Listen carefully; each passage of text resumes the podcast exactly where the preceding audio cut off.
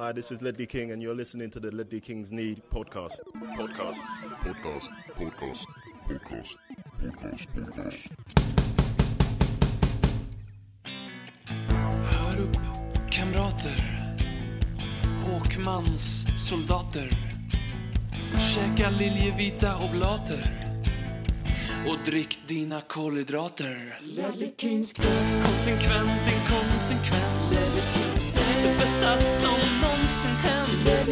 Du kommer aldrig bli dig själv igen, min vän. Här flödar hybrisen.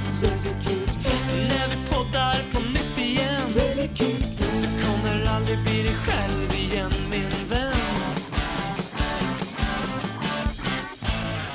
Du lyssnar på den eh, konsekvent inkonsekventa hybris-podcasten Ledley Kings knä som eh, för första gången i vår sju år långa historia är en podcast om ett mittenlag, eh, Tottenham Hotspur. Oss kan man ju interagera med på sociala medier och så kan man också gå med i vår eh, WhatsApp-chattgrupp som heter Parrots Pågar. Skickar man ett eh, direktmeddelande till oss så, så löser vi det. Enda kravet är att man inte ska vara helt från vettet och sen så måste man också hålla på Tottenham. Ibland går de där två sakerna hand i hand. Hur som helst, Robin heter jag och eh, den här veckan så utgör kotteriet utöver mig själv den kringflackande pedagogen, amatörbilmekanikern med det stora Lamela-hjärtat, Alexander BM. Åh, vilka hederstitlar. Eh, jag brukar ju identifiera mig själv som lärare, ämneslärare. Eh, Bilmekaniker är ju... Jag har ju inte så här, man ska tänka på de här klassiska könsrollerna som kanske våran podd är för progressiv för egentligen. I alla fall delar av den.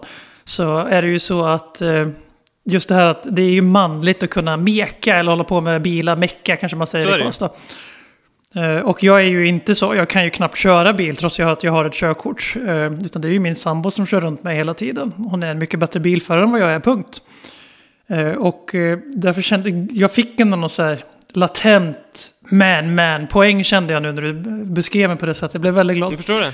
Eh, Och sen att, att jag är Lamelas största förespråkare och största supporter och mest äkta supporter i hela världen, det, det är ju sen Det är gammalt. bara riktiga män som älskar Lamela.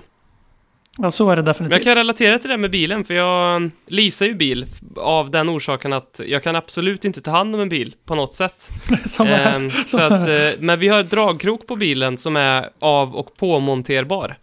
Eh, all, med. Aldrig känner jag mig så manlig som när jag ska plocka fram den där. Eh, jag lägger mig på backen vid bilen bak och så skruvar jag lite och så kanske liksom jag gör det lite svårare än vad det är så att jag kan ha den där stunden med mig själv. Och sen så ställer jag mig upp och så liksom borstar jag av mina händer på mina lår. Och så, och så, så gubbstön också. Ah! Och så Nej, ja. där jag måste haka på den för vi har också en sån. Och det här är, alltså jag alltid blir så lycklig över, även om jag döljer det bra. Det är att min sambo har ju någon, hon klarar inte av att sätta på den där riktigt. Hon får inte i kroken Mm. liksom. Och så kommer hon och säger bara, "Ah, du får hjälpa mig. Så kommer jag ut så här bara, så går jag fram och så, och så sätter jag mig så, så överdrivet så här bara, du vet du måste tänka på det här och du måste göra si och så. Egentligen är det bara att jag har bonröta och råkar vara tillräckligt stark. Otroligt nog, så jag lyckas ju bara få in den utan att jag ens Och, och, vet vad jag gör. och, och, och du, du, du, du älskar ju när de frågar om det, även om du spelar trött Ja, ja, på gud ja. situationen. Ja, ja, oh, ja, oh, ja. Oj, och som jag mjölkar det här när jag sitter där. Bara, du måste liksom ha en annan vinkel, så trycker du till här. Ser, ser du nu liksom? Och så sitter de bredvid och bara mm, mm. Och jag har ju ingen aning om vad jag säger. Utan, men eh, jag, jag, jag baskar i manlighetens glory i de här tillfällena. Mm.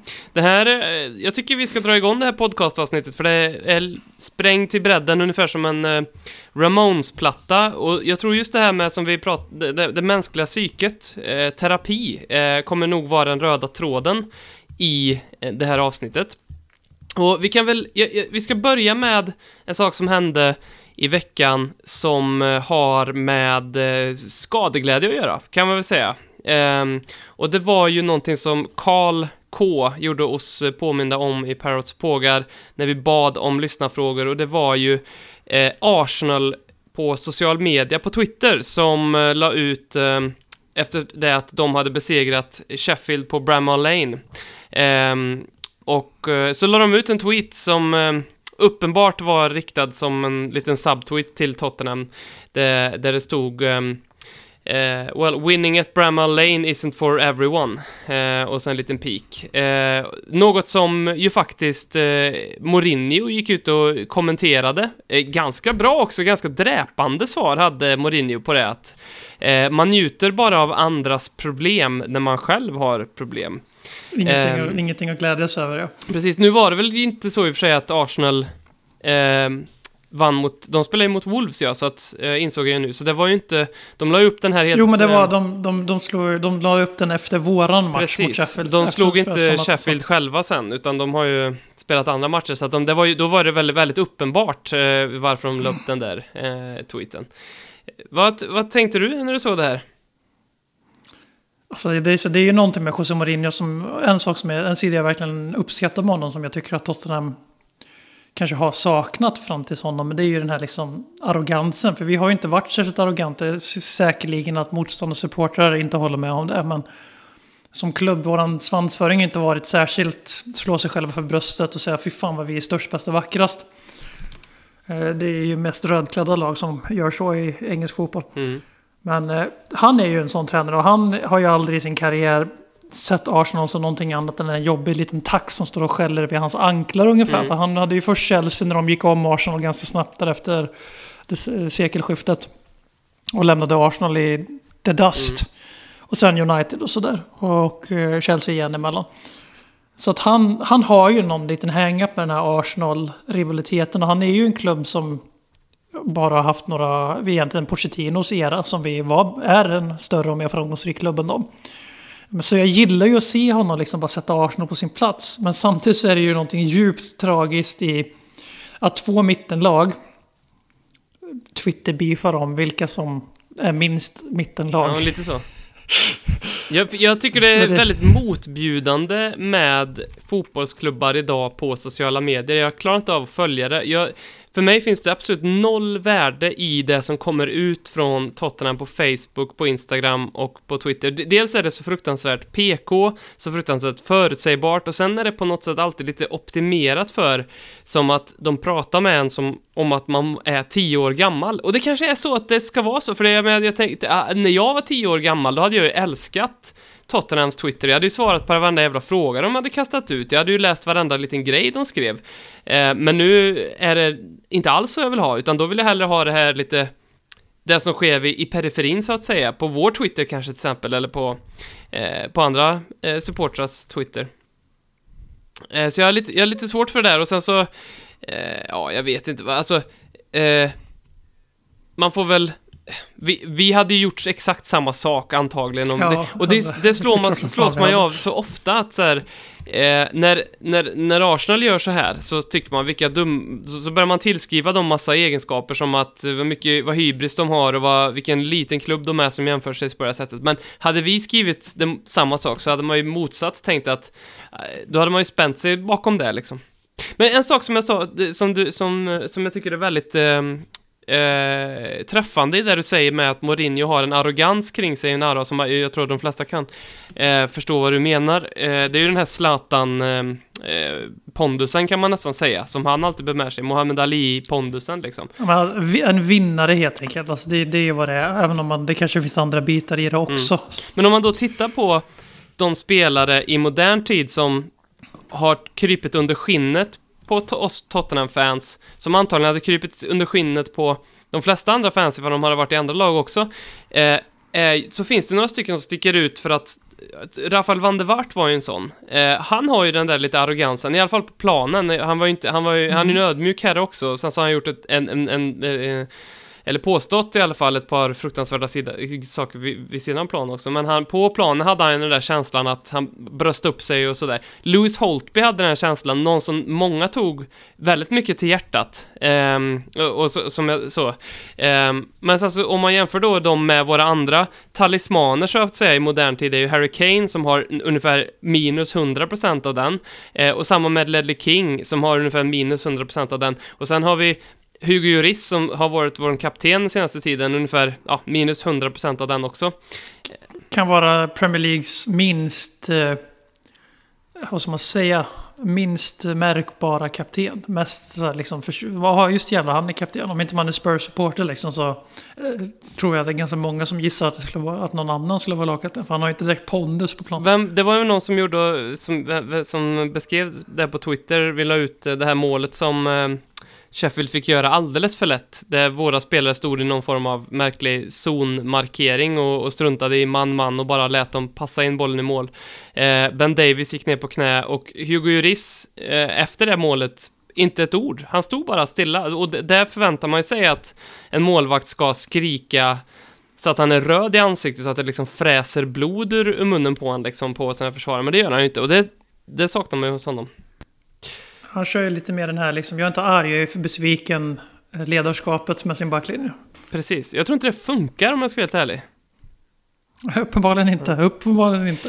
Eh, från en, eh, vad ska man säga, psykanalys till en annan. Eh, den om eh, eh flockbeteende och eh, tron på övernaturliga ting. Eh, en otroligt bra fråga fick vi på Twitter här.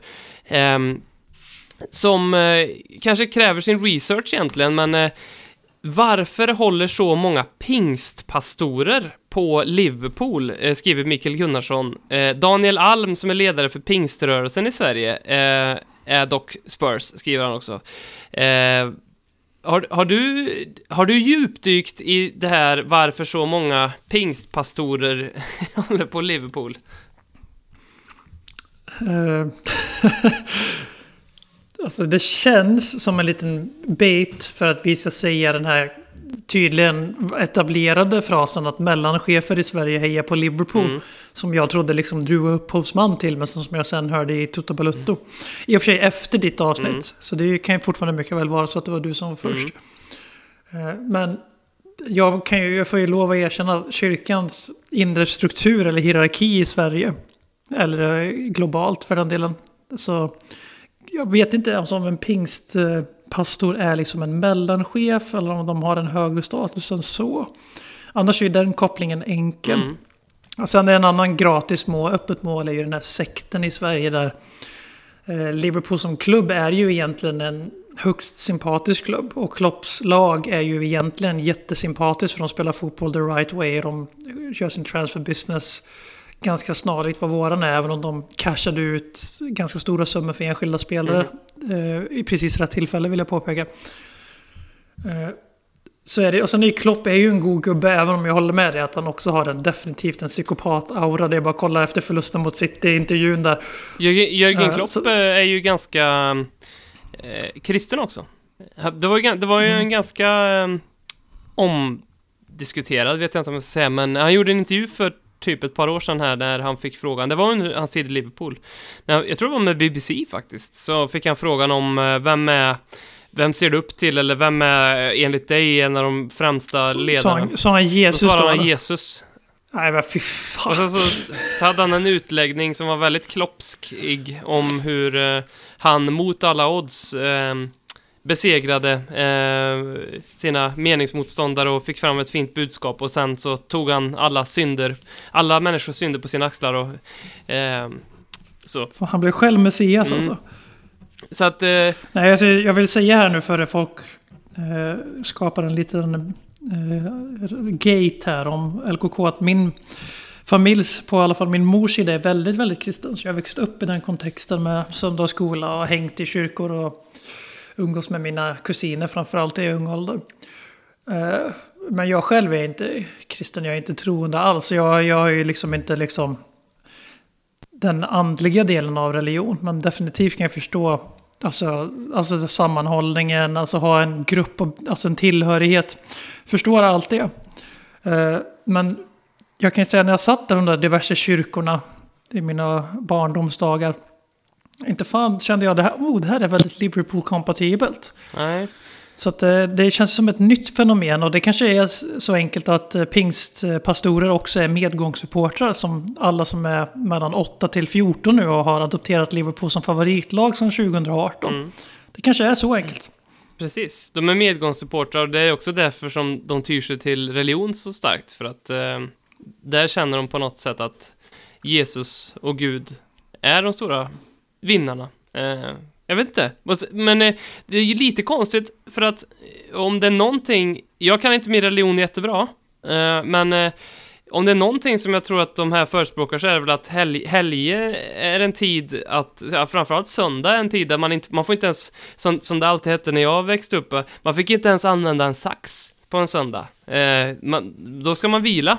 Och, och det gör man ju inte om man håller på med fotboll. Va? Så att eh, lite motsägelsefullt är det att vara pingstpastor tycker jag och eh, sitta där på en söndag och korka upp en bärs till och med kanske och kolla på fotboll. Men... Jag tycker att det styrker min tes om medgång för vi säger att de ramlar ut i EL och också börjar spela på söndagar. Mm. Hur fan gör man då? Precis. Det här behöver vi nästan svara på. Eller så är det så att religionen nu har fått kuva sig och anpassa sig efter fotbollen och så är det torsdag som är nya vilodagen så att det är därför det inte finns några pingstpastorer som håller på Arsenal. Jag vet inte. Eh, så kan, så kan det, vara. vara. Men eh, en väldigt bra fråga i alla fall. Tack Mikael för den. Varför är, är så många pingstpastorer Liverpool-fans? Eh, vi... De får gärna höra av sig, de här röda pingstpastorerna, och svara, skriva till oss på Twitter varför Liverpool är deras gäng. Verkligen. Gärna det.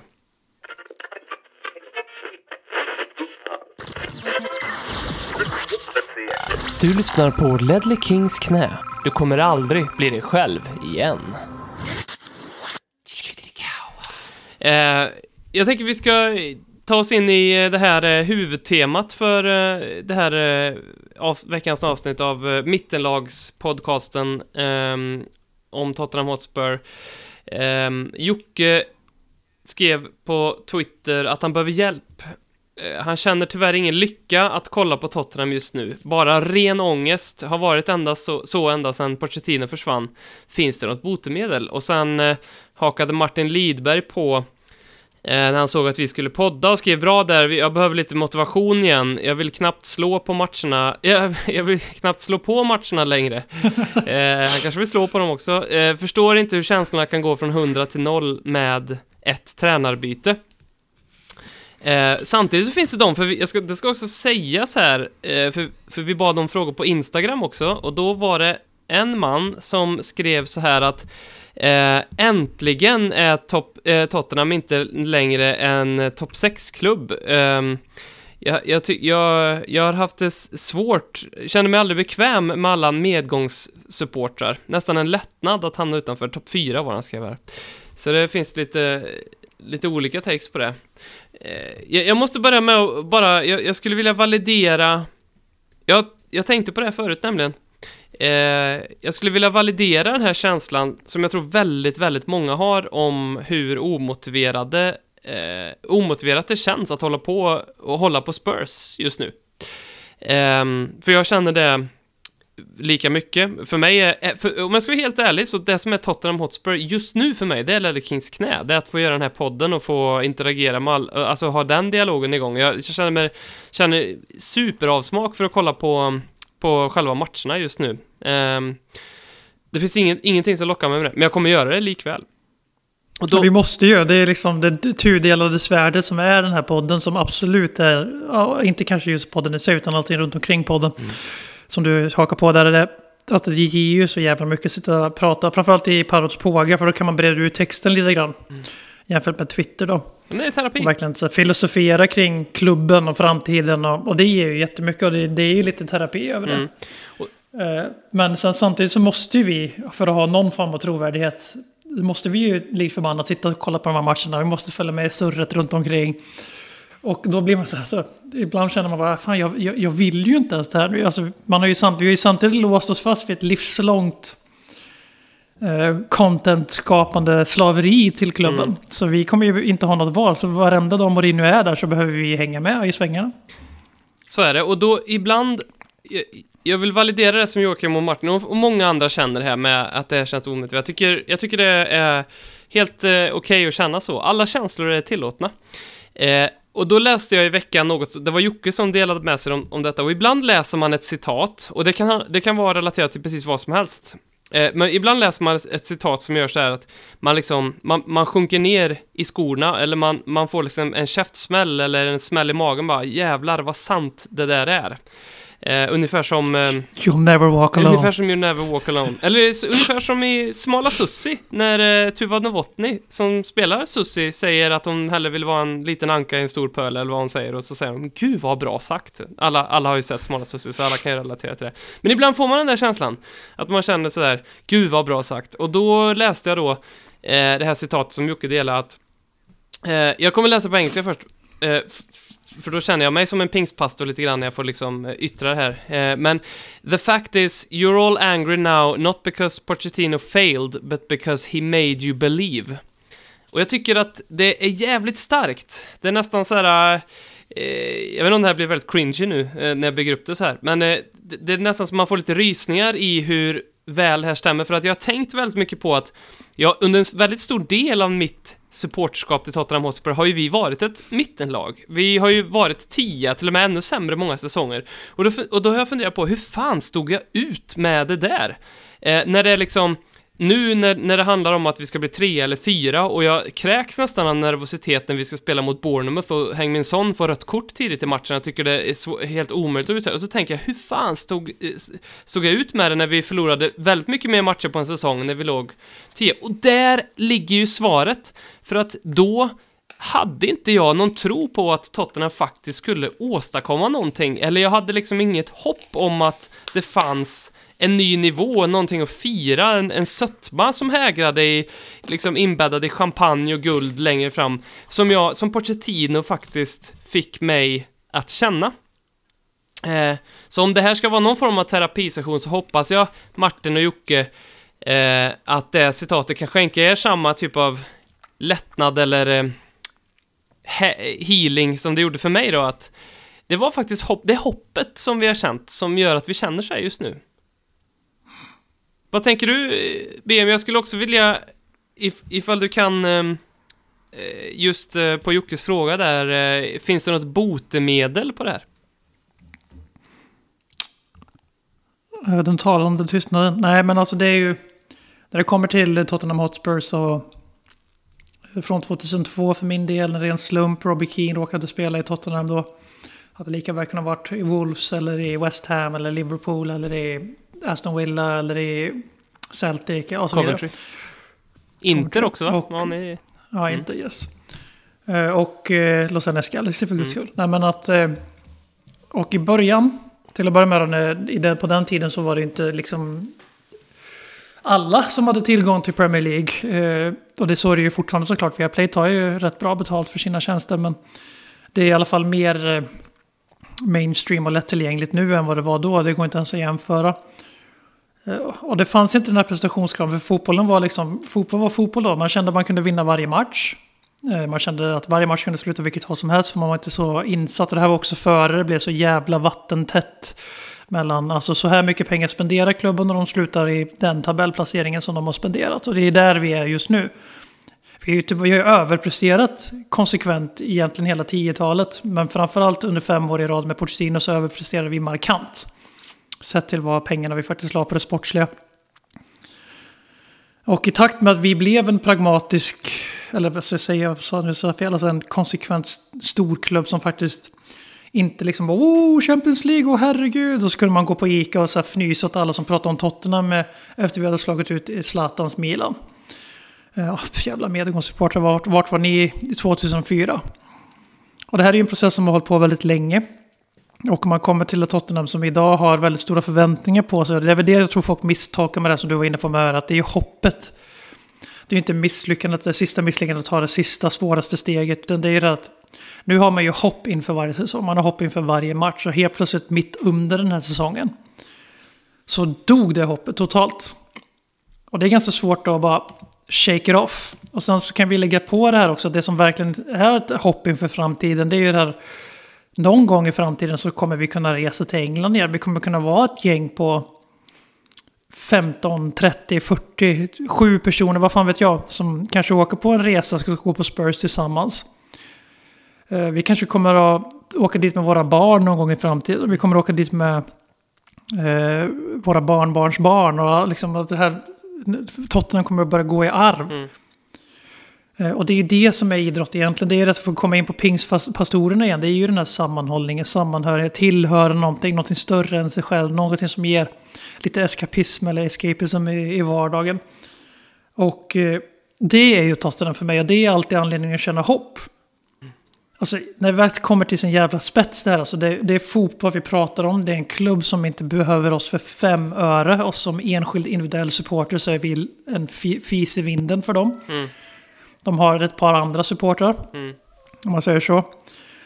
Så om man försöker tänka bort det här att för att jag ska kunna känna tillhörighet och tycka att det här är kul så behöver Tottenham ta x antal poäng, vi behöver värva x antal spelare, vi behöver vinna x antal troféer. Om man liksom tänker bort det som var ganska lätt fram till Pochettino, för även innan det, trots att vi var med i Champions League och vi hade de här, när vi slutade fyra, inte fick vara med, bla bla bla.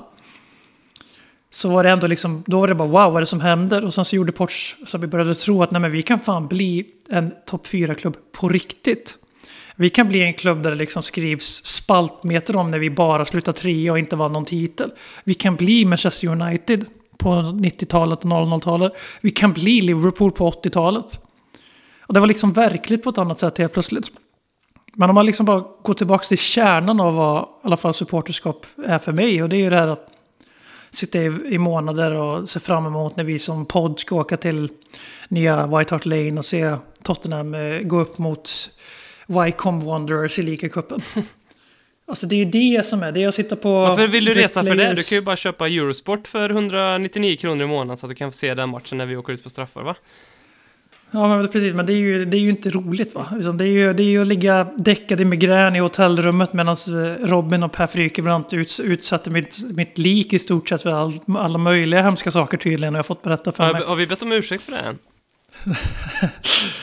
Säkerligen. Eller det, är- det är att vara på matchen och se Robin och Per bli bakfulla första halvtimmen under AVB-boll. Det är, liksom, det är det som är Tottenham. Det är, det är den här podden, det är att sitta i Paros pågar. Det är att spendera timmar varje vecka framför sin jävla telefon när man borde kanske vara närvarande i sitt förhållande istället. Mm. Eller eh, gå världen runt eller bygga ett hemlös shelter till människor som behöver. Eller vad fan som helst. Om man istället sitter i Paros pågar och bråkar med Jay Steele och Lilla Jocke och allt vad de heter om diverse filosofiska frågor. Det är, liksom, det är ju vad Tottenham är. Mm. Det, är alltså, Och och det, eller, det, det försvinner ju något inte. de också är Tottenham, det är att när man älskar med sin sambo eller fru eller så, så tänker man, för att inte liksom avsluta det för tidigt, så tänker man på vilken, 5-2. vilken, nästa, vilken är den starkaste elvan eller vilka värvningar borde vi göra? Vi har lite, li, vi har lite lyhört här, här hemma. Det, det, det, var ju, det var ju bättre eh, hålla bollen i, i spel eh, taktik än de här hemska sitcoms-exemplen. Man måste tänka på sin någon äldre släkting i de här freudianska avsättningarna. Vem Det, känns, gör så? Vad fan? Ja, jag, det verkar vara en staple i USA i alla fall. Ja. För det är ju med i varenda sitcom liksom. Ah, jag började, det var nära så bara började jag tänka på min, min eh, fasters vårtor. Man bara, Det handlar ju om, Va? det handlar ju om att avleda uppmärksamhet, inte att bli äcklad. Va? Ja, eller hur? Va? eller hur? Det kan, ju få, det kan ju få jobbiga konsekvenser i sådana situationer. Ja, men precis, det där är Tottenham. Ja. Det är liksom det man tänker på när man vill eh, ha, spela längre. Man vill ha tilläggstiden ska det vara sex minuter istället för tre minuter. Och Det finns ett extra lager här som är svårt. För om man går tillbaka med vad egentligen ett supporterskap är, eh, väldigt till kärnan, eller, nej inte individuellt, utan till kärnan eller bakåt i tiden för den delen, så, så är ju liksom, ja men jag är supporter, det innebär att jag stö, stöttar ett lag som ehm, eh, eh, är i min grannby eller i min by eller lokalt som jag eh, hela min familj håller på den här klubben för vi bor ju här och vi har gjort det i generationer eller hela mitt eh, arbetslag på jobbet eller alla mina eh, vänner på puben, jag håller ju på det här laget och sen så när det blir match på lördag eller på torsdag eller när vi nu spelar då, då går jag dit och kollar på matchen. Det är ju en... Ännu en pingstpastor-liknelse. Ja, men det är ju så här, någon form av essens av vad va- vad det, vad det började med, liksom. Va- va- varför supportrar uppkom som fenomen var ju, var ju av den anledningen, liksom. Nu har ju det där sträckt sig till Ja, att vi sitter i, ja. i Sverige och följer Tottenham på liksom heesgoal.com och klickar bort eh, 38 pop-ups eh, som handlar om hur man snabbt kan gå ner i vikt eller tjäna pengar eh, inom en kvart och, och man tänker bara, för fan vad ovärdigt det här blev då. Ehm, och, och det här har blivit liksom en skev förflyttning av vad, vad supportskap är, för att om man, om man Eh, det är väldigt enkelt när Jocke och Martin här säger, eller när någon annan säger för den delen, så här, det är så svårt att hålla på Tottenham just nu, ja, men, och, och säga då till, ja men du, eh, fortsätt att göra det, bara stötta laget nu, för, för i motgång, ja, men vad är det då? Vad är det att stötta laget nu när jag sitter här i Sverige? Eh, jag kan inte fysiskt gå dit, jag, jag, jag har liksom inga vänner som jag fysiskt träffar där vi kan säga tillsammans, äh fan nu, nu bygger vi upp en känsla, alltså, jag har ju inget, det är möjligtvis Twitter då, eh, Förstår du vad jag menar? Att det, det, den, det är så otroligt lätt att bara Egentligen att bara sluta följa Tottenham nu, det innebär att, att, att egentligen inte göra någon skillnad i sitt liv, för att i min vardag så finns det inte att jag går till puben och pratar med de lokala Spurs-fansen och jag går inte till matchen varje, varje vecka, utan det handlar bara om att jag inte tittar på matchen. Det, och det är väldigt enkelt. Och det, och det, det finns en problematik där i det egentligen. Um, men jag tror också att man ska nog faktiskt, återigen terapipodden då, inte vara så hård med sig själv om man bara känner att nej, jag vill inte se den här skiten. Jag, jag tycker det är okej. Okay. Jag, jag, skulle inte, jag skulle inte eh, säga till en ett Tottenham-supporter ifall jag fick reda på om, om ett år, se, lek med tanken att vi vinner Premier League nästa säsong och så kommer det fram att några som jag sitter och pratar med som håller på Spurs att nej, men vi, under den här smack, svackan som var förra året med Mourinho, då tittade inte vi i match. Jag skulle inte tycka att att, att det var, jag skulle inte beskylla dem för det, nej, vad fan, står man inte ut med den skiten, det, det förstår jag liksom. Um. Det jag tror att, det jag tror, jag håller med dig där, det, det jag tror händer är att vi supportrar, eller jag som pratar för mig själv, men det som händer är att man är så inne i sitt eget supporterskap så att man glömmer bort det här att, liksom i mitt fall, det är 18 år, jag är 29 år gammal, alltså Tottenham är mitt liv. När jag, när jag dör här om x antal år, då kommer jag ha ett 50-tal hemmatröjor, en hemmatröja varje säsong, oavsett vad, hur fula de än är. Eh, liksom, och det är liksom, det kommer ju leva vidare efter mig.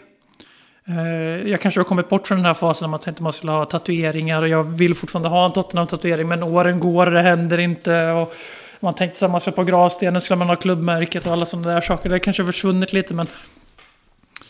Det är att man hela tiden man, man är så hård mot sig själv att nu känner jag att mitt supporterskap det känns inte naturligt. Det är inte lätt längre. Den bästa tränaren vi kanske någonsin får uppleva. Det bästa laget vi kanske får uppleva. I Tottenham kanske aldrig kommer upp på den nivån igen som Pochettino hade oss på i tre år. Eh, där vi verkligen var två år där vi var bäst i ligan och tog överlägset flest poäng sammanlagt och sen gick till Champions League-final året efter det. Eh, och det är liksom att man hela tiden säger bara... Det som du är inne på, alltså man kan ha dippar. Precis som allting annat i livet. Hur många intressen har man inte haft som man inte ens kommer ihåg idag? Hur många, hur många andra saker har man hakat fast i skitstarkt och sen så bara nej, det här är inte jag längre, jag växte ifrån det. Alltså man, man, man, man, man bedömer alltid sig själv i sitt supporterskap efter när man var som mest aktiv. Mm. När man brann som mest för klubben. Och så jämför man sig alltid med den. Och så glömmer man bort alla förmildrande omständigheter runt omkring. Till exempel så här att det faktiskt är så att men, vissa människor mår dåligt av att vara Tottenham-supportrar just nu.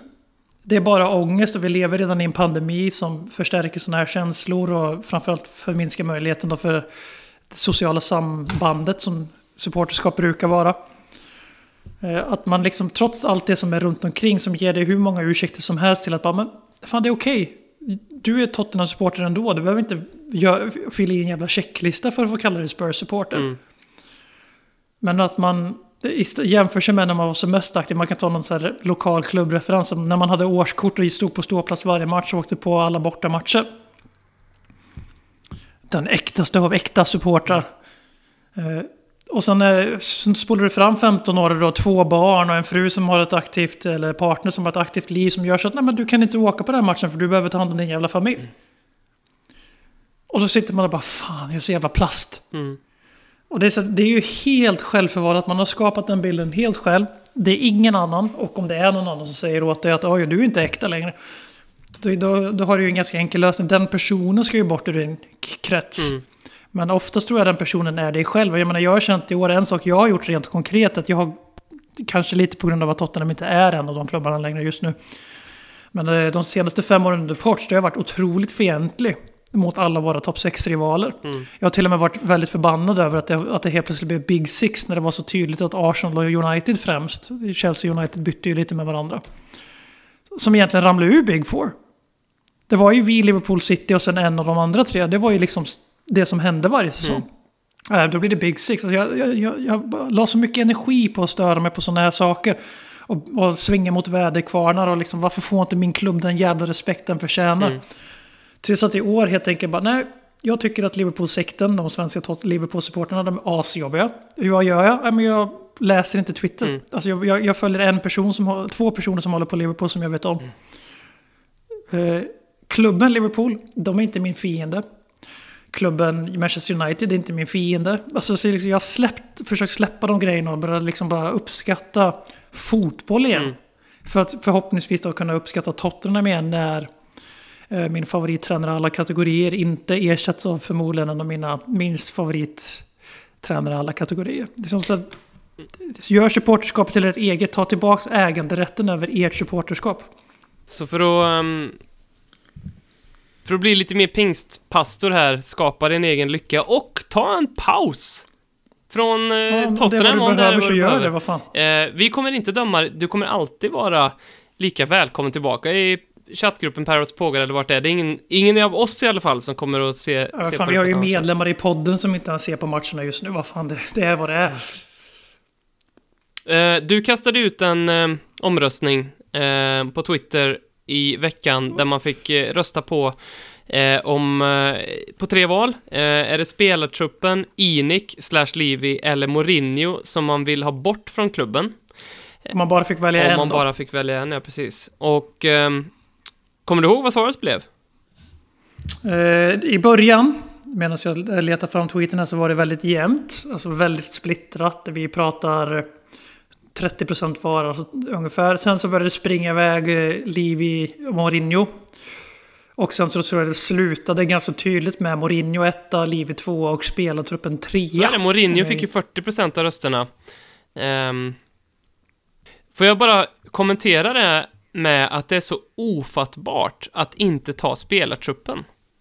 Ja, jag håller med. För, alltså, om man ska vara helt ärlig så, vi har en tränare och, och, och, vi, och jag vet att det är många som eh, säkert som jag, jag vet att det inte är många som håller med, men vi har också en ägare som, som ger oss ganska bra förutsättningar. Men det är ganska, för mig är det ganska uppenbart att skulle, skulle man eh, ta bort den här spelartruppen så, och, och, kanske få in ett gäng som, som på något sätt kan stå för en nystart och som eh, som inte har ett öppet sår som varar eh, något bedrövligt med, med, med, både då klubbledning eller med bara historien eller med tiden i Spurs eller trötta liksom, er, Eriksen, Trippier, det, det, finns ju flera exempel på spelare som bara, jag vill bara härifrån, ge mig en förändring bara. Eh, och jag tror det är mer som känner så. Danny Rose är väl tredje ex exempel på det egentligen också. Eh, så det, det, känns som den, om, det, om vi ska prata om eh, snabb effekt så är väl det den absolut eh, den vi kan få mest, mest utav. Du var ju inne på det här lite grann förut också, någonting som, som smärtar lite att inse, men jag tror nog att Pochettino, det han stod för, det rimmade ju väldigt, väldigt bra med den spelartrupp han fick just där och då. Hade han kanske fått exakt den här spelartruppen, ja, jag är inte helt övertygad om att vi hade varit så bra eh, i fyra år framåt om, om Pochettino tillträde just nu så att säga. Så att, att bara ta till, tillbaka honom gör nog inte så jättemycket det, heller. Det, det, vet vi ju, det såg vi ju. Från, från första januari 2019 tills dess han fick sparken så, så var det ju den här spelartruppen. Ja. Sista månaderna hade han en Dombele som han knappt använde, Lo som knappt gick att spela och Sessignon som inte heller kunde spela. Så att vi har ju redan sett vad Pochettino gjorde med den här truppen om han hade tagit över den här truppen idag. Mm. Så att absolut. Mm.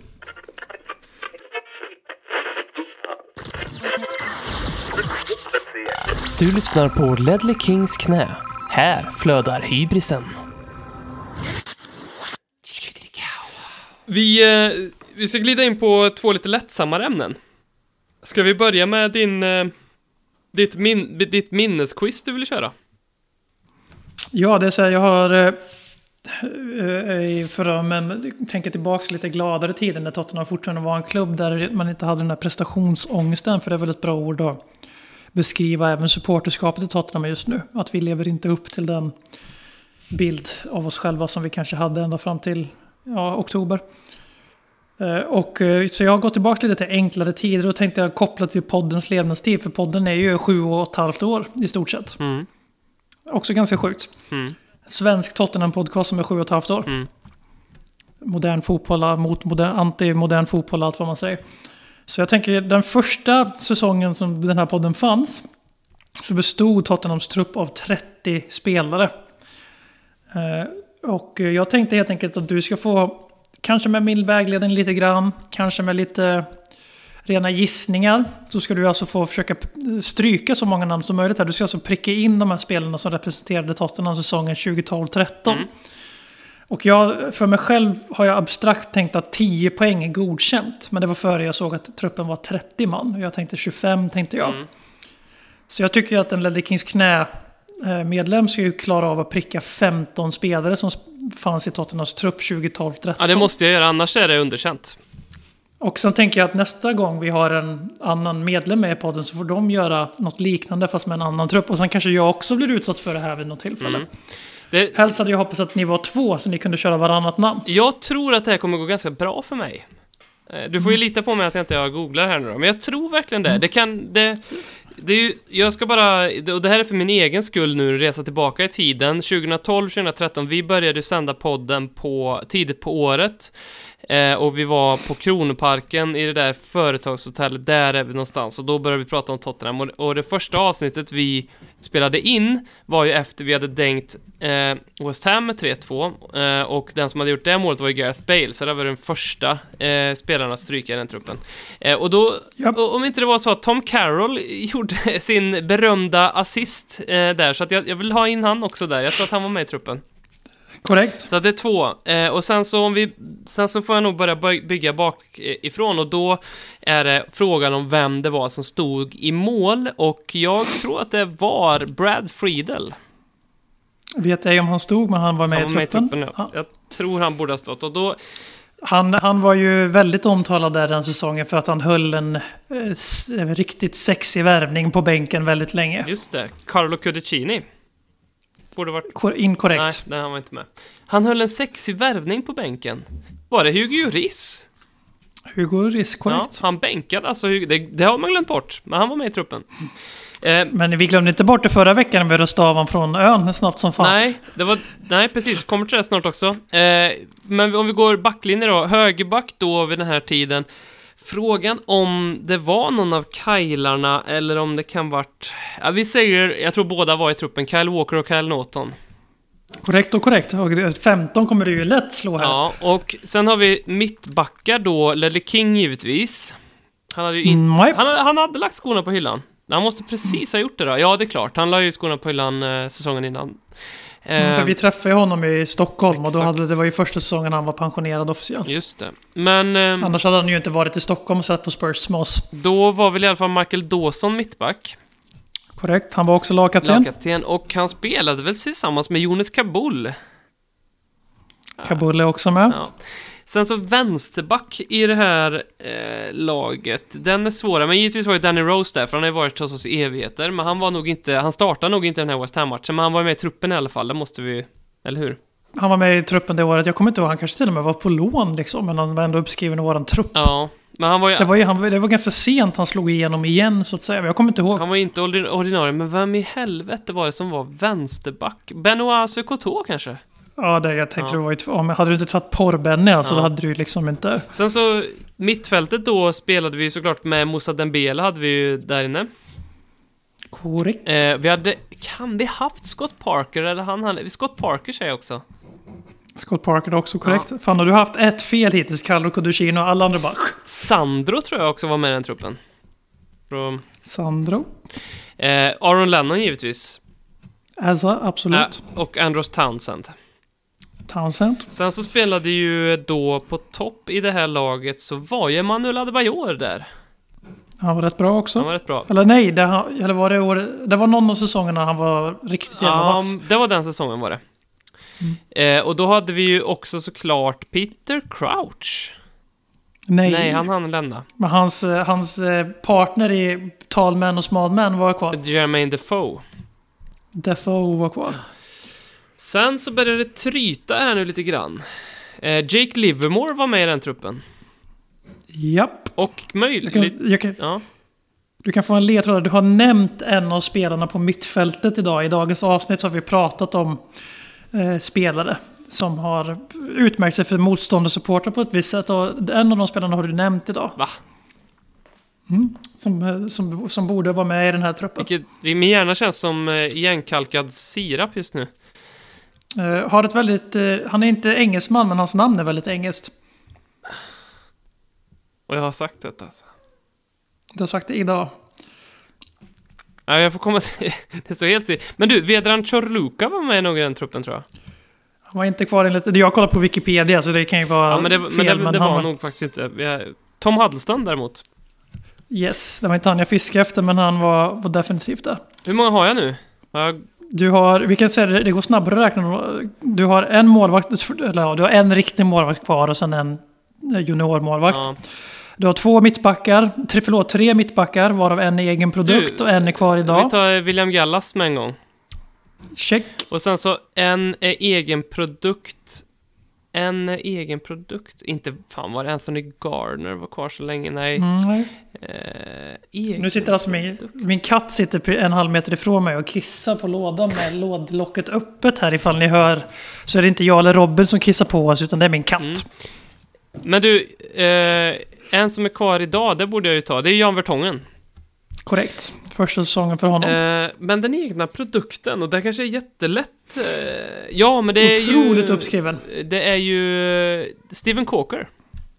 Korrekt. Alltså det här är ju sjukt imponerande Robin. Eh, och sen så är det en målvakt jag missar. Ehm, Mm. Som... Det är Stipe Pletikosa. Nej. Nej. Han eh, varvade... Han är mest känd, det här kanske är väl lätt ledtråd, han är mest känd för att han räddade en straff och sen direkt drog på sig en ny straff. Gomez. Korrekt. Ehm, men då... Sen mm. mittfältet har du fyra stycken kvar. En väldigt tvålfager modell. eh, En Tvål- skandinav. Den, den får jag säga, tvålfagra modellen får jag säga Nico Kranjčar då. Inte han, men det var, jag förstår verkligen. Det Mm. finns två väl där. En eh, eh, spelare som har spelat i Roma. Och eh, har gjort en del spektakulära mål, men inte så mycket annat i Tottenham. Erik Lamela. Eller i Kari. Eh, Och sen har vi två anfallare kvar, varav en är pinsamt att du inte har sagt. ja, det är väl det. Det är ju Harry Kane. Ja, han var i och för sig inte jätteetablerad Nej. den här säsongen. Men, Jag tänkte ehm, på Clint Dempsey. ja. Hur kunde du inte ta anfallare med nummer två? Clint Dempsey såklart. Men eh, det, det, det jag vill i alla fall innan jag ger upp här nu så vill jag, det är en mittfältare som det gnager i mig. Jo, Gylfe Sigurdsson. Ja, Ehm, sen vet jag fan om det jag tar så många mer. Du har tagit 27 av 30 med lite hjälp. Jag skulle nog säga att du tog i alla fall 23-24 Men helt de jag utan. inte har tagit är den egna produktmålvakten där. Ehm, Mm, den är svår som fan. är det han som heter David Button typ? Är det vad det, Nej. Nej. Och det är ju inte... Nej, du får, du får säga den. Jordan Archer. Ja, den har jag glömt bort helt. Okej. David Bentley. David Bentley, ja. Han var kvar han. Mm. Jago Falke. Jago Falke. Ja, det är ju Roma-kopplingen. Lewis fucking Holtby. Lewis Holtby. Men han kom ju i och för sig i januari, ja. Men eh, ja, Ja. okej. Ja, så den var lite... Så, men ändå 26 av 30. Det var ju betydligt fler än jag trodde. Och eh, som sagt, tanken med det här, det här är ju från eh, Svenska fans, våran eh, publicist, eller vad man ska kalla dem. Eh, de har en podd som handlar om NHL-hockey som kör det här. Fast då brukar man inte vara en person, utan det brukar vara två som tävlar. Så vi kanske ser om vi återinför det här när vi är tre stycken. På, hade, du, hade du sagt, även om jag har, även om jag kan, eh, alltså jag kan nog nämna, droppa fler NHL-spelare än vad du tror att jag kan. Så även om du skulle säga en klubb så skulle jag nog kunna häva ur mig 500 namn innan jag får rätt tror jag. Så att eh, det var skönt att det blev just Tottenham Hotspur. det kommer bara bli Tottenham Hotspur. Men den här säsongen, det här var, det var ganska tacksamt uppdrag, för jag tror att det varit svårare andra säsonger, för just det som jag, det som hjälper mig väldigt mycket är tröjan, som jag ser väldigt tydligt framför mig, Mm. och då kan jag liksom se vilka spelare jag, jag, jag har sett i den tröjan, ehm, från den säsongen. Auras, Mm, väl- Aurasma hade vi väl som ehm, den säsongen, Mm. tror jag. Och så ten tenniströjan, tennispoolen Ja, liksom. precis. Mm. Ja, men vad bra. Nej, men vi kommer, det här kommer komma tillbaka till. Jag kommer att välja ut trupper som antingen är hela säsongen eller en specifik matchtrupp för stora matcher. Och förhoppningsvis så kan du tävla mot någon annan då. Mm. Eller jag tävlar mot någon annan så att det blir. Då får inte jag ha valt truppen då kanske. Men. Mm. Eh, En sak jag vill säga om den här truppen. Det var ingen slump att jag tog den här. Jag visste ju vad avsnittet skulle handla om idag. Och jag vill bara säga hur många fler likeable spelare det fanns i det här laget 12-13 än vad det finns i laget 1920. Otroligt små. Och hur mycket av det man kan förklara med att vi har växt flera storlekar som klubb och därmed inte har plats för en Carker, en Townsend, en Livermore. Eh, charmiga egna produkter, ganska begränsade för en toppklubb. Men också hur otroligt mycket enklare det är att se tillbaks ganska kort tid efteråt med Alltså med bara wow, vilket charmigt gött jävla gäng. Jag är rätt övertygad om att när vi missar Champions League den säsongen med en poäng trots klubbrekord och att Gareth Bale var en av världens tre bästa spelare. Så tror jag inte vi var lika sålda på AVBs lagbygge som vi är idag, sju år senare. Så att Mm. det jag försöker säga är att ge José Mourinho sju år så kommer vi titta tillbaka på det här laget bara fan. Det kunde bli värre. Fan, de 1920-gubbarna, de var rätt goa ändå. Vackert.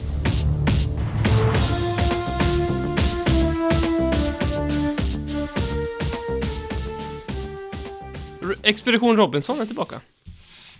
Ja. Och eh, det som hände previously on Expedition Robinson var ju att ehm, Hugo Lloris, Cameron Carter Vickers och hjälp mig, en till spelare som jag har glömt bort. Som Uh, Lukas Mora var den Lucas första att lämna eh, röstades ur eh, förra veckan av Expedition Robinson, vilket är i korthet då en, ett nytt segment av den här podcasten där vi eh, varje avsnitt, alla som är med i podden får rösta ut en spelare ur truppen och det här handlar absolut inte om något sportsligt. Det här handlar egentligen inte om någonting alls, man får bara peta bort en jävel. Så jag antar att det, om det handlar om något så är det bara sympati eller vem man, man, vem man tycker mest om tror jag. Eh, men det går också att debattera, för, för det, det kan vara sportslig koppling eller bara vem man vill ta en öl med eller vem man vill ska eh, panga på ens fru eller vad, vad man nu vill så. Och Och José Mourinho är ju fridlyst. Han är programledare så vi kommer inte rösta ut honom den här veckan heller. Nej, han står ju som bekant i kaki eh, och tittar på. Eh, utan det här handlar bara om spelartruppen. Det handlar om de spelare som står registrerade på tottenhamhotspur.com. Lucas Mora och eh, eh, Carter Vickers är borta. Hugo Lloris åkte också ut förra veckan, men han hamnade i andra chansen. Och när det finns fyra spelare i andra chansen, då får ni lyssnare rösta tillbaka en från andra chansen. Och sen så varje vecka, eller varje avsnitt rättare sagt, när vi gör den här podcasten, så, så röstar vi ut en spelare. Och i slutet så antar jag att det kommer vara någon kvar. Eh, och då får vi se vad det gör då. Får jag börja den här veckan? För jag fick vara sist förra veckan och jag hade tänkt att ta en, sp- en spelare förra veckan som, eh, som blev tagen. Du, får, du får börja. Då tar jag Jack Clark, för eh, jag tycker... Jag känner mig inte helt övertygad om honom, eh, sportsliga. Eh, och sen så tror jag liksom eh, bara att... Jag, jag tror att vi blir lurade där. Eh, så att därför gillar jag inte honom heller. Så att han ryker för mig. En homegrown-värvning som bara värvat på grund av homegrown-reglerna. Och har spelat... Ja, han har spelat otroligt lite fotboll den här Får jag bara säga en så- en snabb sak här nu? Championship. I- det, vi fick frågan till veckans podd om vem vi helst skulle vilja se som manager om Mourinho skulle försvinna. Marcelo Bielsa är ju inte helt eh, far away på min önskelista där. Men... eh, Ralf Hassenhuttel, sa 15. Vi har gjort det förut och gjort det bra. mm. vem, Välkommen till Spurs. vem eh, röstar du ut då? Vem får sätta sig i båten tillsammans med Jack Clark? Jag kan inte ta Lucas Moura igen. Nej, nu är det lite jobbigare för dig. Ja, eh, det finns ju en som är så jävla given. Men det är också, finns också något charmigt i att se hur länge den anonyma spelaren liksom kan hanka sig fram. Mm. Eh, och en spelare som... Förra veckan körde jag ju på det här spåret att vem ska man ta ifrån José Mourinho så att inte han kan skada laget bara för att han älskar den här spelaren för mycket. Eh, och det var ju Lukas. Eh, han är ju borta. Så att eh, den här veckan måste jag tänka om och då går jag helt enkelt efter en spelare som inte helt enkelt tillför någonting till Tottenham Hotspur. Det finns liksom ingen, det finns ingen slutprodukt i honom, det, det finns ingen potential, det finns inget roligt, det finns ingen kult. Och det blir då helt enkelt så att våran eh, käre, käre vänsterback Ben Guldfot Davis får lämna ön. För vad fan spelar det för roll? Framförallt tror jag att han har det jävligt kämpigt på en öde ö. Ehm, alltså jag tror att hans pigment inte orkar med solen allt för länge, om man säger så. Vi kör eh, tropisk ön. Vi kör inte den här liksom att de är i Norrbotten på någon Nej. liten skärgård i Sverige. Okej. Mm. Ja, då, då, definitivt då är det nästan humanist, human, humant av mig att skicka hem Ben till Wales. Så då kan ni eh, lyssnare nu när ni hör detta gå in på vår Twitter och rösta om ni hellre vill ha kvar Ben Davis eller Jack Clark i andra chansen där denne då får eh, husera med Hugo Lloris until further no notice så att säga. Det är ganska svårt val ändå, Jack Clark och Ben Davis. Det är lite så här eh, framtiden eller ska man vara lojal mot någon som har varit lojal mot oss länge? Um, se fram emot... Eller ska man eh, välja blå, eller ska man välja röd mellanmjölk eller grön mellanmjölk? Vilket det egentligen handlar om. Lite så, lite så. Exakt så faktiskt. Ehm, vi rundar av veckans avsnitt med ett par um, lyssnarfrågor. V- den här kom in på Instagram eh, från ett konto som heter Jidets for Life. Vad hade ni gjort om ni vann en så stor pokal att ni inte kunnat bära den? Lyften tillsammans med Robin. Ett öra var. Vet du vad jag hade gjort? Jag hade ringt Kagans buss i Malmö och bett han transportera den åt mig. Jag, jag hoppas det går bra för Kaga. Jag, jag tror nog att det kanske är lite tufft för Kagan att driva ett bussföretag. Om, om, jag hoppas att det... Eh, han... eh, Rulla på. bara flashback här nu så eh, erbjöd sig Kagan att eh, eh, lotta ut en matchbiljett eh, till, det var ju faktiskt också mot Everton, sjukt nog, vilket eh, var nästa match. Eh, som, och det var innan coronan, eh, som vi hade en stor tävling om eh, med drygt 100 deltagare, en matchbiljett till Tottenham Hotspur Stadium och, och, eh, och, och den fick man en vinnare på allting, men sen så sket sig allt med corona. Så det var ju synd. Men det var tack, tack för det Kagan. Ehm, och den här då, Simon Finne, ni måste välja en tränare som spelat hos oss och är one of our own. Vem väljer ni? Eh, alltså, alltså, är en, en aktiv spelare som är one of our own? Eller Nej, en, alltså, eh, ni, ni måste välja en tränare som spelat hos oss, som är one of Mhm. our own. vad har vi för lista Ja, där men det, då? kan Scott Parker är till exempel ett sånt exempel, på samma sätt som Glenn Hoddle är om man går, alltså, Tim, Tim Sherwood? Sherwood är ju definitivt. Har vi no Blanche Flower och Nicholson, spelade de? Blanche Flower spelade väl och tränade? Blanchard tror jag inte tränade eh, någonting. Eh, men Nicholson Nej, nej, nej, bo- nej, nej. både spelade och tränade. Ja, då är han ju jättegivet val, men det är ju tråkigt. Så att eh, vi tar väl, uh, vad fan. Jag har inte mått så här dåligt som Tottenham-supporter sen Tim var manager sist, så vad fan. Släng in Tactics Tim på bänken istället för José Mourinho. Tim Sherwood, one of our own. Jag ska bara säga, jag, snabbgooglade här nu. Eh, Danny Blanchflower har ju faktiskt varit eh, tränare. Eh, och det smärtar mig att säga att han har tränat Chelsea en säsong, 1978-1979. Ehm, vad fan är för nu får jag världens... Vi har Nicholson, Pochettino och vem är den tredje på tränarberget? Det, eh, Keith Birkinshaw kanske du tänker på? tack, tack. Men jag för skulle, vilja, Yes. jag skulle vilja slänga in något för finsmakarna här och det är ju Alltså när man tänker Tottenhams Glory Days, då tänker man ju väldigt lätt på Danny Blanchflower eller, nej förlåt, ja, och, eller, men Bill Nicholson framförallt, 60-talet och början på 70-talet. Och så tänker man kanske också på Keith Birkinshaw som hade en eh, trevlig runda i eh, Europa bland annat. Men innan det så hade vi ju eh, Arthur Rowe som både spelade för Tottenham, gjorde en jävla massa matcher för Tottenham och också eh, tränade Tottenham och också vann ligan med Tottenham på 50-talet eh, efter kriget där. Och han, ehm, han uppfann push and go, eller one-two som man kan Hur man nu kan uppfinna något sånt, men det gjorde han och det är alltså när man om jag har bollen och så passar jag till någon som står markerad och som kanske har en gubbe i ryggen och, och precis efter jag har slagit passningen, då springer jag så att jag kan ta emot en direktpassning igen. Det kallas för push and go. Det uppfann han. Och jag vet inte hur fotbollen såg ut innan det kom, men jag, det, jag kan tänka mig att det såg ut som typ Subuti om du vet vad det är, eller sån här bordfotboll eller något sånt där. För vad fan gjorde man om... När man precis, Eller Korpen-fotboll. ja, korpenfotboll, jag vet inte. Antingen är det någon som springer igenom hela laget eller så står alla bara still. Men det, det ska ni veta i alla fall, varje gång ni ser det hända i fotbollen, vilket är i princip hela tiden det sker i fotboll nu, det uppfann Arthur Rowe i Tottenham eh, när han också vann ligan 1951, tror jag att det var. Det här är alltså någonting som har stulits rakt av av Liverpools lag på 80-talet och Klopps lag idag som säger pass and move och även Guardiolas eh, Super Barca. Så Arthur Rowe är ju egentligen fotbollens fader, är vad du säger. Det som, precis, det ni ser Pep och Klopp stå och preacha, det kommer från Tate. Som, som med ganska mycket annat så var vi först med detta då. Sista frågan från eh, mannen med det bästa nicknamet. Jag hoppas att det här är hans riktiga namn också. Hasse Angerfist. Eh, det väcker så mycket associationer. Jag tänker Christer Pettersson, jag vet inte varför jag gör det, men jag, det är så mycket. Det är ett fantastiskt namn, Hasse Angerfist. Ehm, det skulle också vara ett väldigt bra metal-sångarnamn om man är lagd åt det hållet, men eh, han vill att vi pratar om stämningen i laget för tillfället. Är det läge för Hugo Lloris att göra kissbomben i duschen efter match? Eh, det kommer nog aldrig ske. Eh, vem blir mest irriterad på Orier när han fjantar sig? Vad sysslar Jan Vertongen med på fritiden utöver sin familj och borde Ndombele spela med mössa?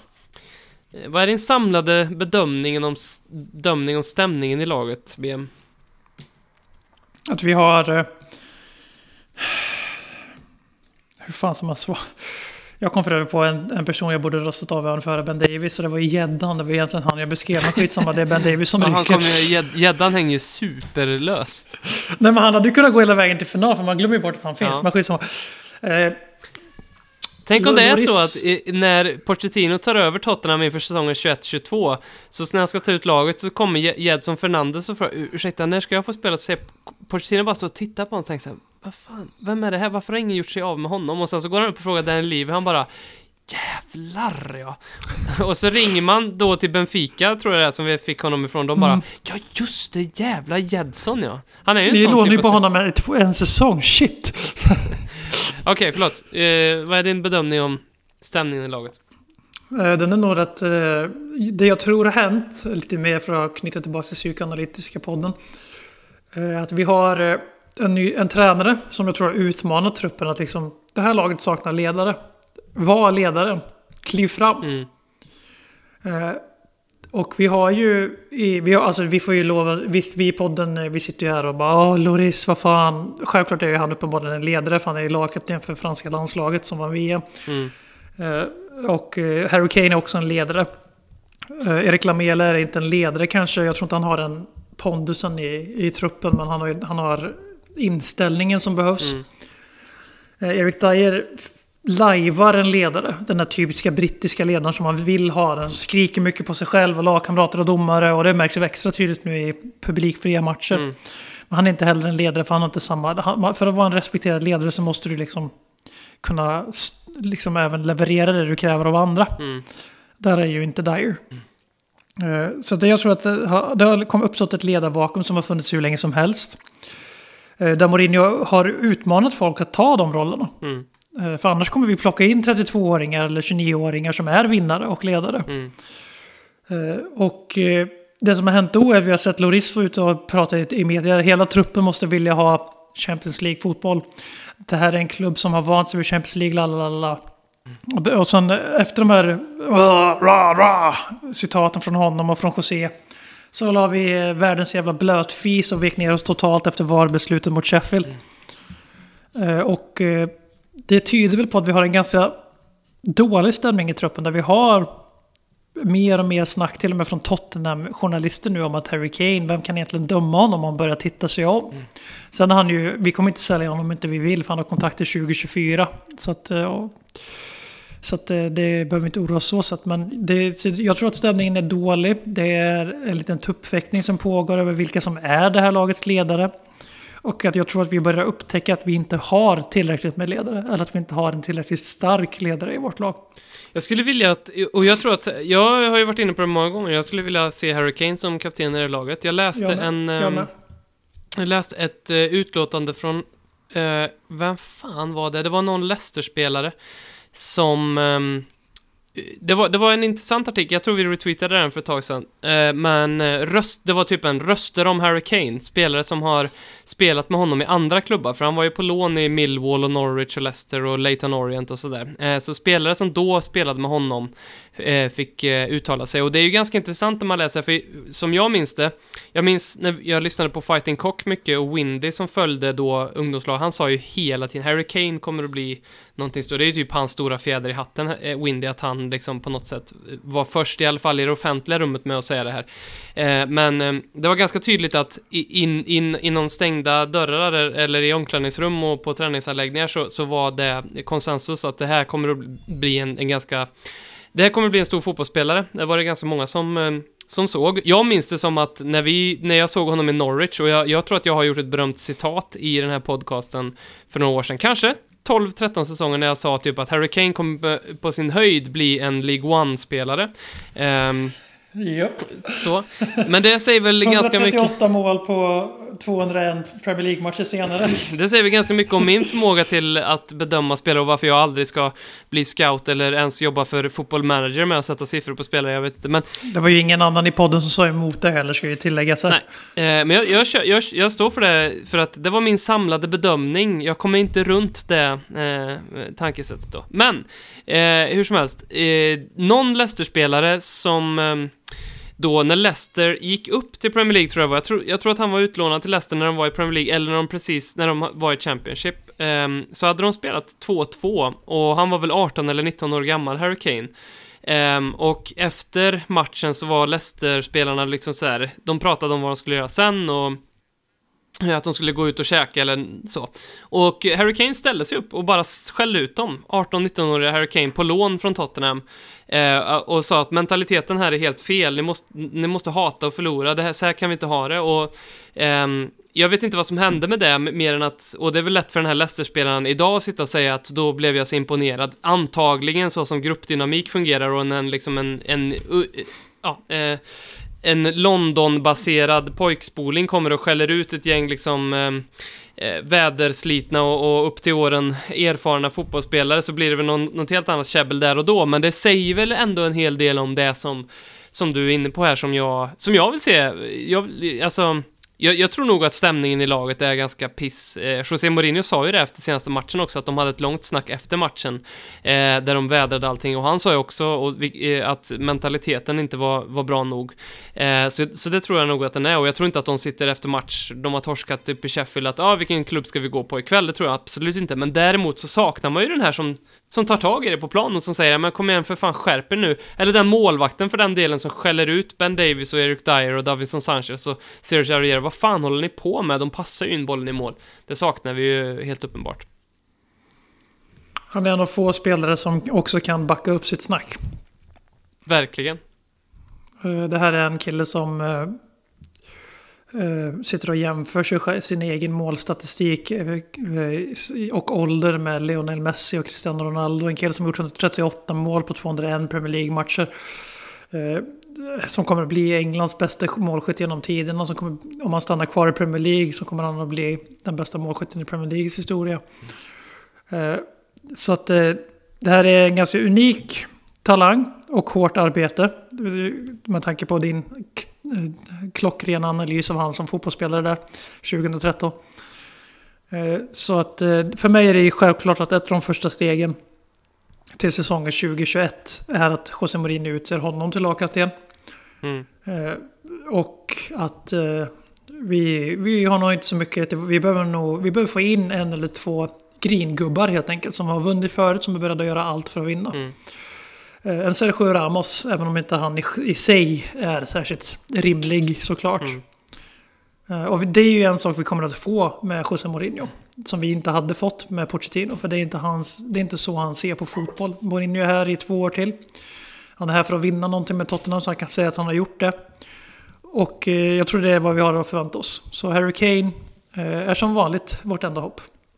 Och Nemanja Matic skrev precis på ett uh, nytt avtal med ett kontrakt med United, så han är det inte som kommer vara den här gamla gubben. Det återstår väl att se. Uh, det var ju synd att ingen uh, skrev till oss om, eller det var ju faktiskt någon som gjorde det, med lite ironi, men vilka spelare bör vi värva? Den frågan vi alltid får och som vi kategoriskt nu vägrar att svara på. Eh, eftersom att inte vi är en spekulationspodd, eftersom att allt vi gör utgår ifrån fakta, noga efterforskningar ehm, och eh, inga fel, så att säga. Inga faktafel. Men det var... eh, Jag hoppas att eh, om det är någonting som den här podden kan ha gett er så lite terapi, eh, ta en jävla paus från Tottenham, det är ingen som kommer döma. Vi kommer i alla fall inte döma, det kommer inte vara någon som dömer såklart, men eh, skit i det. Det är ju ditt supporterskap som du var inne på BM. Eh, Och kanske så vänder det framöver och då, eh, då är det lite lättare att låta det vara det då. Eh, var inte så jävla hård mot dig själv ifall det kändes som... Jag, är, jag är en av Karlstads största medgångssupportrar när det kommer till Färjestad BK. Jag kollar från ungefär den avgörande finalmatchen och framåt. Eh, och sen så är jag där på Stora torget eh, och firar och känner mig... Jag har säkert en Färjestad-halsduk också. Ehm, Ja. att, eh, Jag har två. Och jag hejar inte på Färjestad. så att det, det, det får man vara. Fan, jag blir lycklig av det. Jag älskar, alltså när Färjestad har tagit SM-guld har jag varit superlycklig. Eh, så att, eh, men nu säger jag ju inte att, att jag är samma med Tottenham Hotspur för att, eh, men jag var en jävla glad gubbe när vi vann Audi Cup, så, så var det ju. När vi inte har fotbollen att njuta av så har vi ju varandra att njuta av. Ditt supporterskap är ditt supporterskap. Och eh, vi vet alla att eh, North London Derby är här snart och eh, om inte annat kan man ju se fram emot den matchen. Åh, fy fan. Ja, tack så jättemycket BM. Tack själv. Konsekvent, inkonsekvent. Det bästa som någonsin hänt.